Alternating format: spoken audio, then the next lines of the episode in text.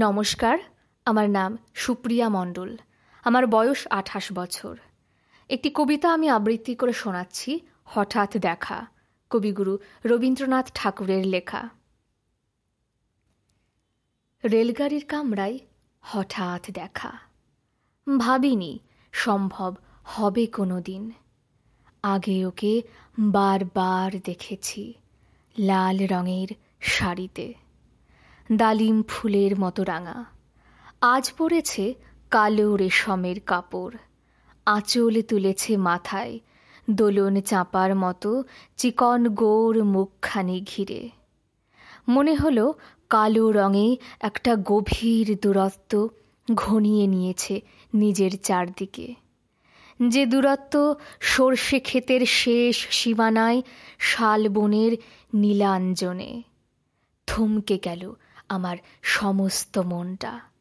চেনা লোককে দেখলেম অচেনার গাম্ভীর্যে। হঠাৎ খবরের কাগজ ফেলে দিয়ে আমাকে করলে নমস্কার। সমাজবিধির পথ গেল খুলে, আলাপ করলেম শুরু। কেমন আছো? কেমন চলছে সংসার? ইত্যাদি।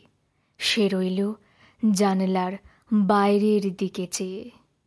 যেন কাছের দিনের ছোঁয়াচ পার হওয়া চাহনিতে। দিলে অত্যন্ত ছোট দুটো একটা জবাব, কোনোটা বা দিলেই না। বুঝিয়ে দিলে হাতের অস্থিরতায়, কেন এসব কথা এর চেয়ে অনেক ভালো চুপ করে থাকা?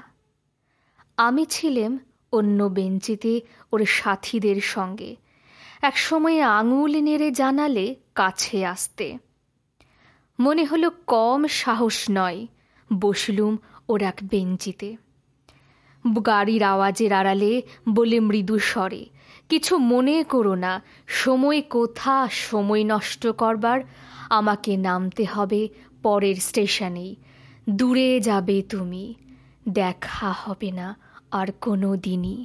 তাই যে প্রশ্নটার জবাব এত কাল থেমে আছে, শুনব তোমার মুখে। সত্য করে বলবে তো, আমি বললেম, বলব, বাইরের আকাশের দিকে তাকিয়েই শুধলো। আমাদের গেছে যেদিন, একেবারেই কি গেছে? কিছুই কি নেই বাকি? একটুকু রইলেম চুপ করে, তারপর বললেম, রাতের সব তারাই আছে দিনের আলোর গভীরে। খটকা লাগল, কি জানি বানিয়ে বললেম নাকি। ও বললে, থাক, এখন যা ওদিকে। সবাই নেমে গেল পরের স্টেশনে, আমি চললেম একা। নমস্কার।